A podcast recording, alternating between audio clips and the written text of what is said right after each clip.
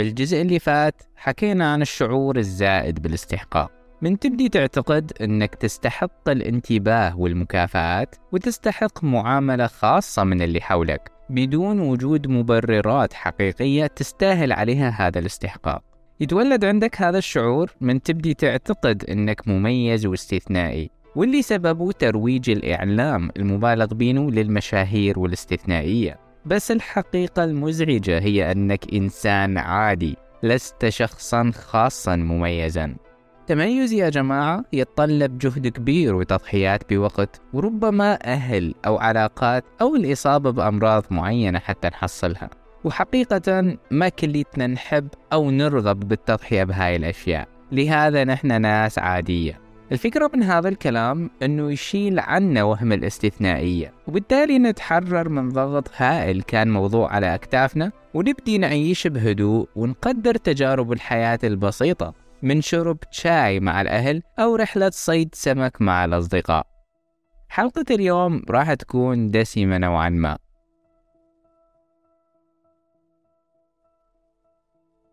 السلام عليكم. مونكاست هو بودكاست أسبوعي. نحكي بيه عن أفكار واردة بأشهر الكتب العالمية حسب تجربة الأصدقاء فأفضل وقت تسمع مونكاست هو بالسيارة أو قبل النوم أو بصالات الانتظار. هو مناسب للاستماع بالأوقات المهدرة خلال اليوم. وإذا كنت تسمعنا عبر منصات البودكاست فيسعدني أنه تشترك بقناتنا على اليوتيوب. لأن هنوك أقدر أقرأ تشجيعك أو تعليقك. يحكي لنا الكاتب عن قصة عجيبة. من النادر نسمع مثلها. قصة غالبا ما راح يكررها التاريخ. حدثت أو وقعت بالحرب العالمية الثانية وتحديدا عام 1944 بطل هاي القصة هو ضابط بالإمبراطورية اليابانية الملازم هيرو أونودا.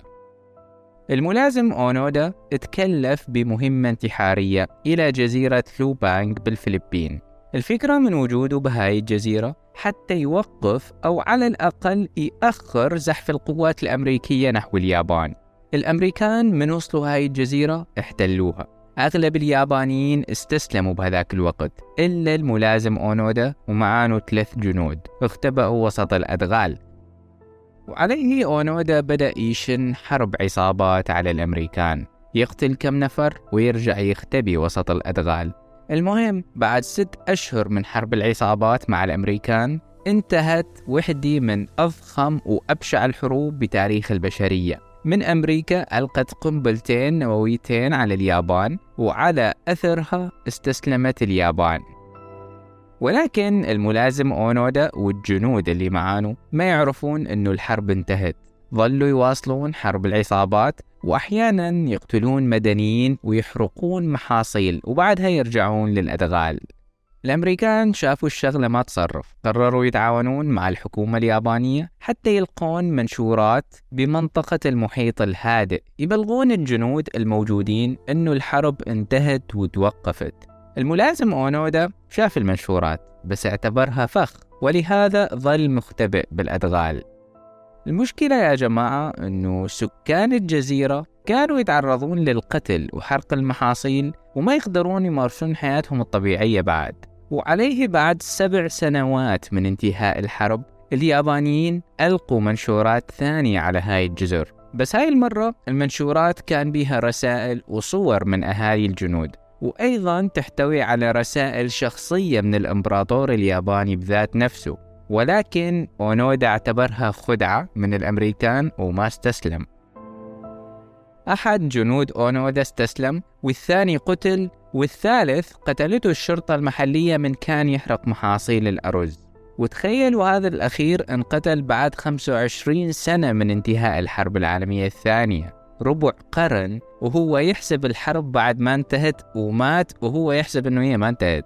وظل الملازم أونودا بوحده بالأدغال اليابانيين من سمعوا بقصة مقتل الجندي الأخير بعد 25 سنة بدأوا يشكون أنه أكو احتمال يكون الملازم أونودا بعده حي بالأدغال ولهذا قرروا يرسلون فرق بالتعاون مع الحكومة الفلبينية. بس أيضا ما لقوا أي شيء وصار أونودا من الشخصيات الأسطورية. بهذاك الوقت كان أكو شاب ياباني مغامر ورحالة اسمه سوزوكي سمع بأسطورة أونودا لأول مرة. وكان هذا الشاب عنده ثلاث أهداف يريد يعملها بحياته. أول شيء أنه يلقي الملازم أونودا والثانية أنه يشوف دب الباندا والأخيرة أنه يلقي رجل الثلج. وعليه قرر يسافر للجزيرة ويبحث بنفسه عن الملازم أونودا. فصار يمشي بالغابات ويصيح اسمه بصوت عالي ويقول أنه الإمبراطور الياباني قلق عليك. والعجيب أنه بعد أربع أيام بس لقانه وسألوا عن السبب اللي خلانه يبقى كل هاي السنوات يقاتل. فقال جملة صراحة تبدو غبية. لقد تلقيت أوامر بعدم الانسحاب. عجيب أمر هذا الرجل. يحارب بالأدغال بعد 30 سنة من انتهاء الحرب العالمية الثانية ويأكل حشرات وينام بالوحل ويقتل ناس أبرياء مدنيين. بس الأعجب أنه الملازم أونودا صرح بوقت لاحق بعد ما رجع لليابان أنه ما كان متندم على العمر اللي قضانه بالأدغال. أصلا هو كان فخور باللي حصل ويتشرف أنه خدم إمبراطور اليابان. بعد ما رجع لليابان صار مشهور ويتنقل بين قنوات التلفزيون وألف كتاب يحكي قصة حياته. بس الغريب أنه أصابه الاكتئاب. الفكرة أنه من كان بالأدغال كان لحياته معنى خدمة الإمبراطور. لهذا كان يقدر يتحمل معاناة الأدغال ولكن من رجع لليابان صارت حياته بلا معنى.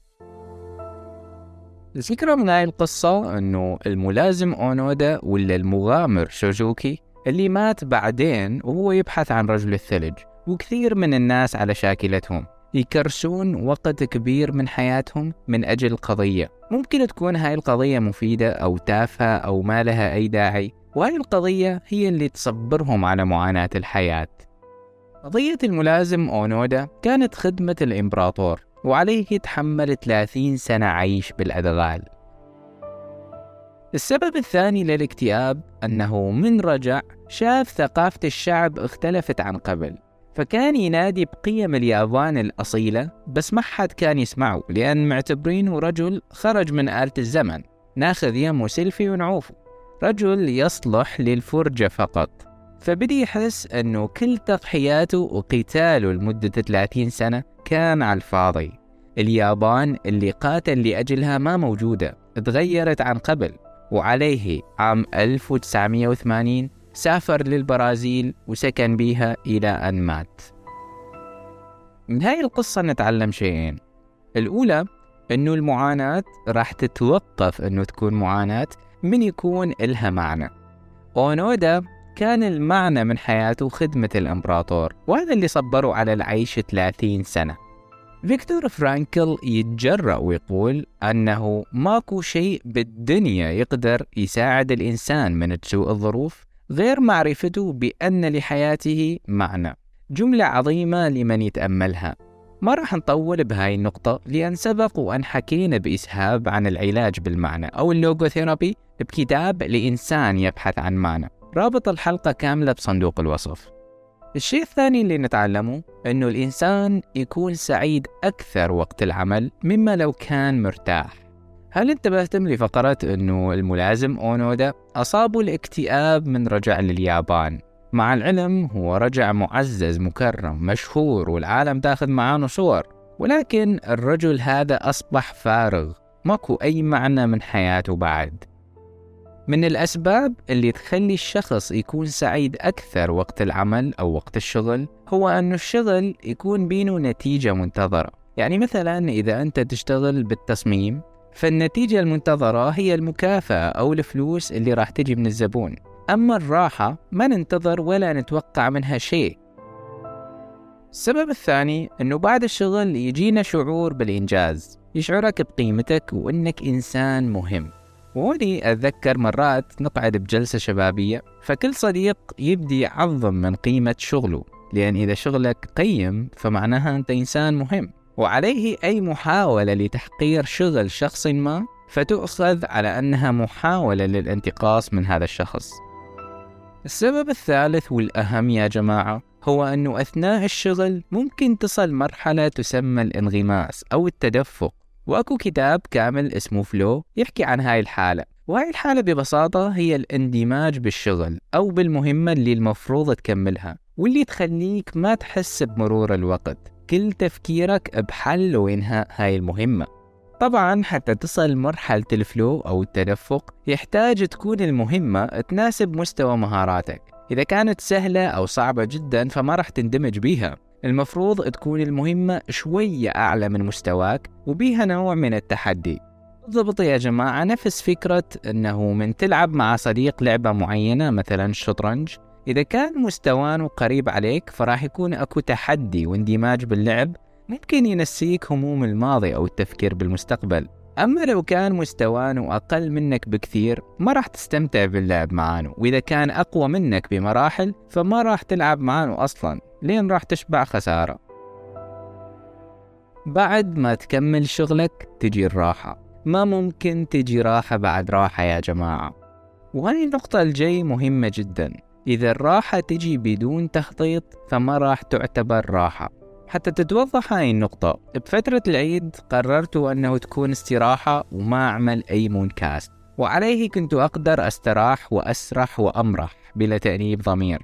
الفكرة أنه هاي الراحة هي ضمن الخطة. ولكن مرة من المرات ما عملت أي مونكاست لمدة شهر. ولأن ما كنت مخطط أنه هاي الفترة المفروض تكون راحة فكنت حرفيا يوميا أكو تأنيب ضمير أنه المفروض أحضر للحلقة الجاية. مع العلم المدة كانت طويلة بس ما كان مخطط إلها أنه تكون راحة وعليه ما قدرت أعيش براحتي بذيك الفترة.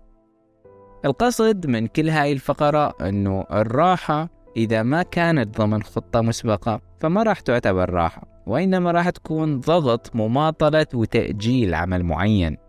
ومن المهم أنه يكون أكو تعب أو عمل قبل الراحة.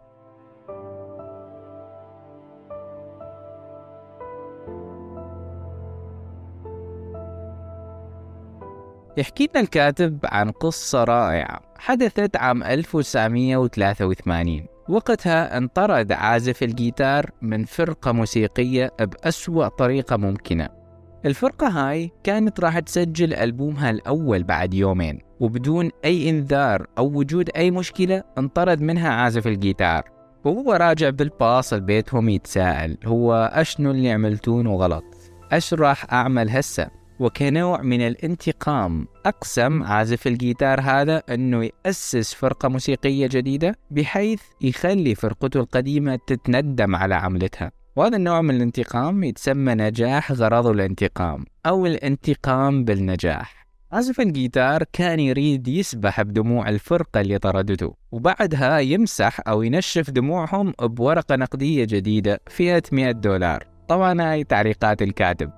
الغضب الحارق الخارق عند هذا العازف هو كان الوقود اللي خلانه يبحث عن أمهر العازفين ويتدربون لساعات وبعد سنتين من الطرد وقع عقد تسجيل ألبوم جديد للفرقة وبعد سنة دخل ألبومه القائمة الذهبية. يا جماعة العازف هذا هو ديف موستين واللي يعتبر أحد ألمع الموسيقيين وأكبرهم أثر بعالم موسيقى الروك. الفرقة اللي أسسها هي فرقة الميجاديث واللي تملك شهرة أسطورية. هاي الفرقة كانت تجول العالم وباعت 25 مليون نسخة من أحد ألبوماتها. ولكن الفرقة اللي انطرد منها هي فرقة ميتاليكا. وهاي الفرقة كثير ناس يعتبروها الأعظم بتاريخ موسيقى الروك على الإطلاق. أتوقع أي شخص يسمع أغاني أجنبية كن مر علينا هذا الاسم. المهم فرقة ميتاليكا باعت أكثر من 180 مليون ألبوم حول العالم.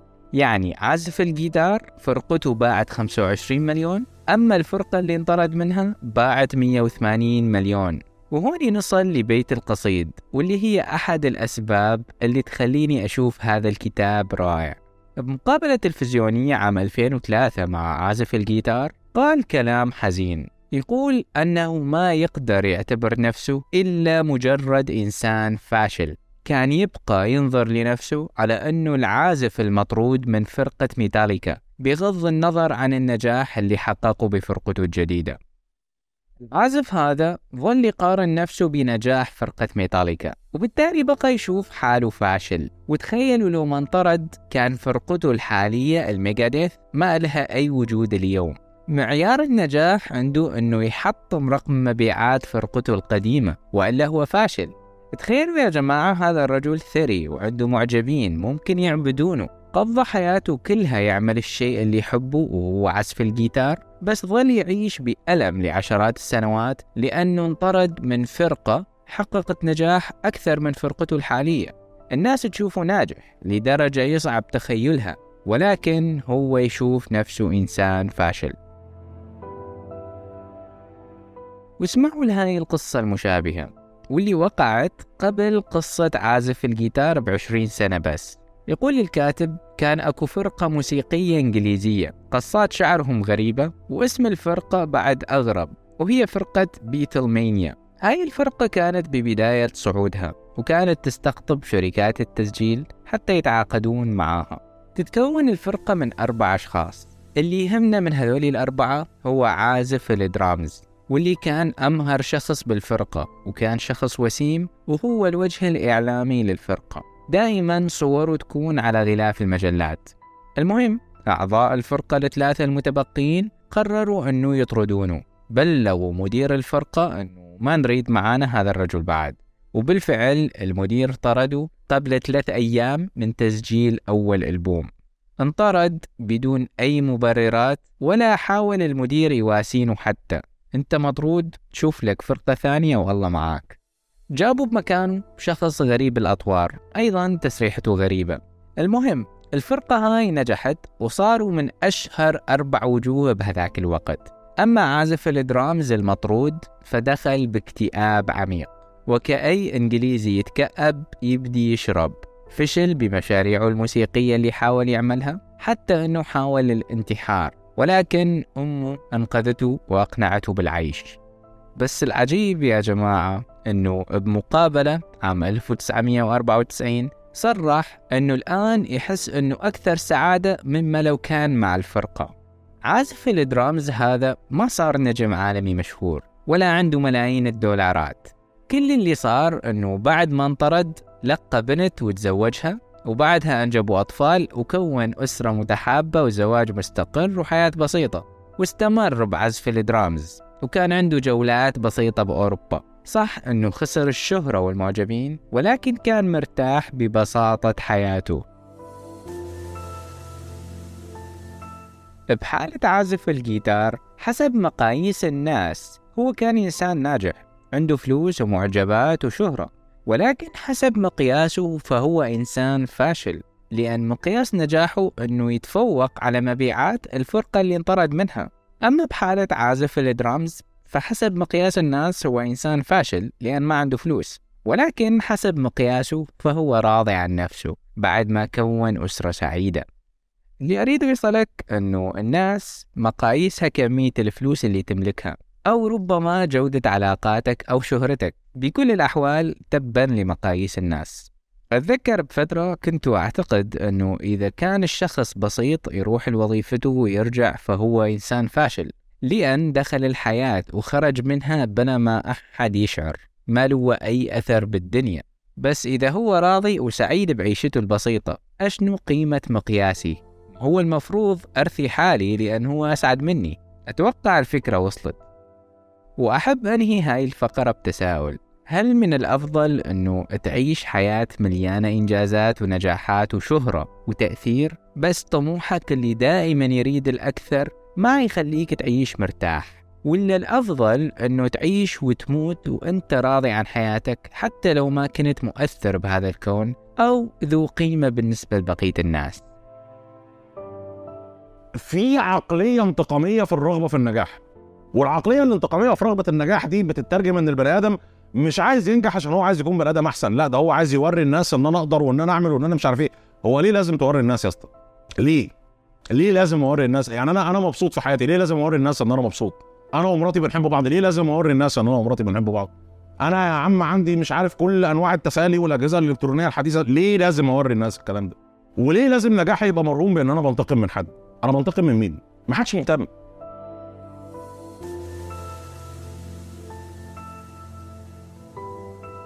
قسم من الناس تحرص إنه تكون إيجابية بكل شيء بحياتها. يعني من تخسر وظيفتك ممكن يجي شخص يقول لك لا تزعل. ممكن تكون هاي فرصة حتى تشتغل بشركة أحسن. أو من يتوفى شخص نسمع عالم تقول له لا تحزن لأن كليتنا على هذا الطريق. بالدقيقة يا جماعة يعني إذا الواحد ما يحزن بهاي المواقف لكن إيمتى يحزن؟ الناس تحكي لك هذا الكلام للتعزية والطيب خاطرك بس هذا الشيء غلط. خذ راحتك بالحزن. يقول مارك مانسون أنه الإيجابية المفرطة بكل شيء هو ما حل المشاكل هو فقط هروب منها. لازم تقضي فترات تعيش بسلبية بحياتك وهي هي الحياة تدرج اللون الرمادي. ما تقدر تبقى أبيض وتهرب من الأسود. ما هي المشكلة يا جماعة؟ أنه نحن دائما نبحث عن المتعة. ما عن نقبل فكرة أنه جزء كبير من حياتنا راح يكون ممل وأنه الحزن جزء من الحياة. وسبب عدم تقبلنا للملل والحزن هو الترويج اللي نشوفه على الانستغرام مثلا. الكل يضحك فتحس أنت الوحيد الحزين. وهون الكاتب يقول جملة حلوة. إذا نجبر نفسنا نبقى إيجابيين طول الوقت فنحن عن ننكر وجود المشكلات بحياتنا. المفروض نعترف بوجود مشكلة ونحلها لأن حل المشكلة هو السعادة. ممكن ما تستمتع من تركض بماراثون وتعاني من التعب والعطش بس من تصل راح تشعر بسعادة. ممكن تبقى معاك أيام وممكن أشهر. إذا تتذكرون أغلبنا كنا نكره الدراسة والضغط قبل الامتحانات ومشقة البحث أو رسالة الماستر. بس بعد ما تتخرج وتستذكر هاي الأيام تشعر بفخر وسعادة أنه أنت أنجزت. ممكن يحكي لك والدك من كان جندي أو ضابط عن مواقف خطرة بجبهات القتال أو مغامرات بهذيك الفترة وعينه تدمع من يحكيها. ولكن بوقت وقوع الحدث ما كان مستمتع. بالعكس يجوز كان خايف ومترقب ويريد يعدي اليوم على خير. فرويد يقول جملة عظيمة. يقول من نتذكر الماضي راح تتفاجأ أنه سنوات المشقة كانت أجمل السنوات. أيام نتذكرها بفخر وسعيدين أنه تكون جزء من تاريخنا. على الرغم أنه ما نرغب نعيشها مرة ثانية من مشقتها ومشاكلها.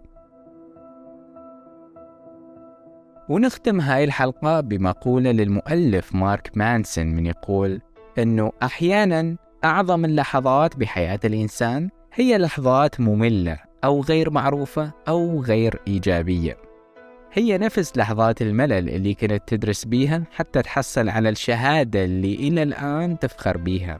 ما راح تتذكر لحظة قبولك بنادي كرة السلة. بقدر تذكرك من كنت تتدرب خمس ساعات يوميا وما تعرف مصيرك. هل راح تترك التدريب ولا راح تكمل ولا تهاجر؟